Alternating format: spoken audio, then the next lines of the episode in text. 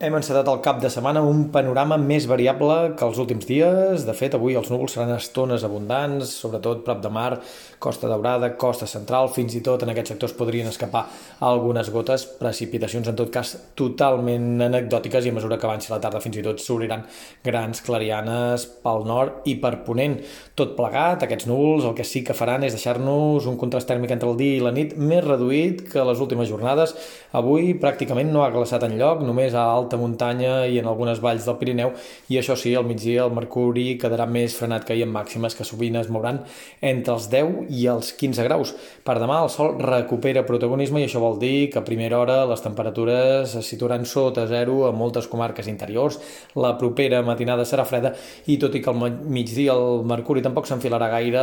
la presència d'un bon sol farà que la sensació d'hivern sigui poc marcada. De cara a dilluns, a la tramuntana s'intensifica l'Empordà, l'ambient es mantindrà fred, sobretot a primera hora, però a mesura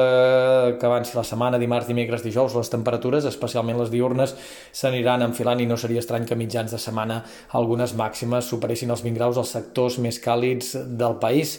Pel que fa a l'estat del cel, domini anticiclònic, segurament no s'instal·laran les boires perquè és això, dilluns eh, bufarà la tramuntana, de cara a divendres també,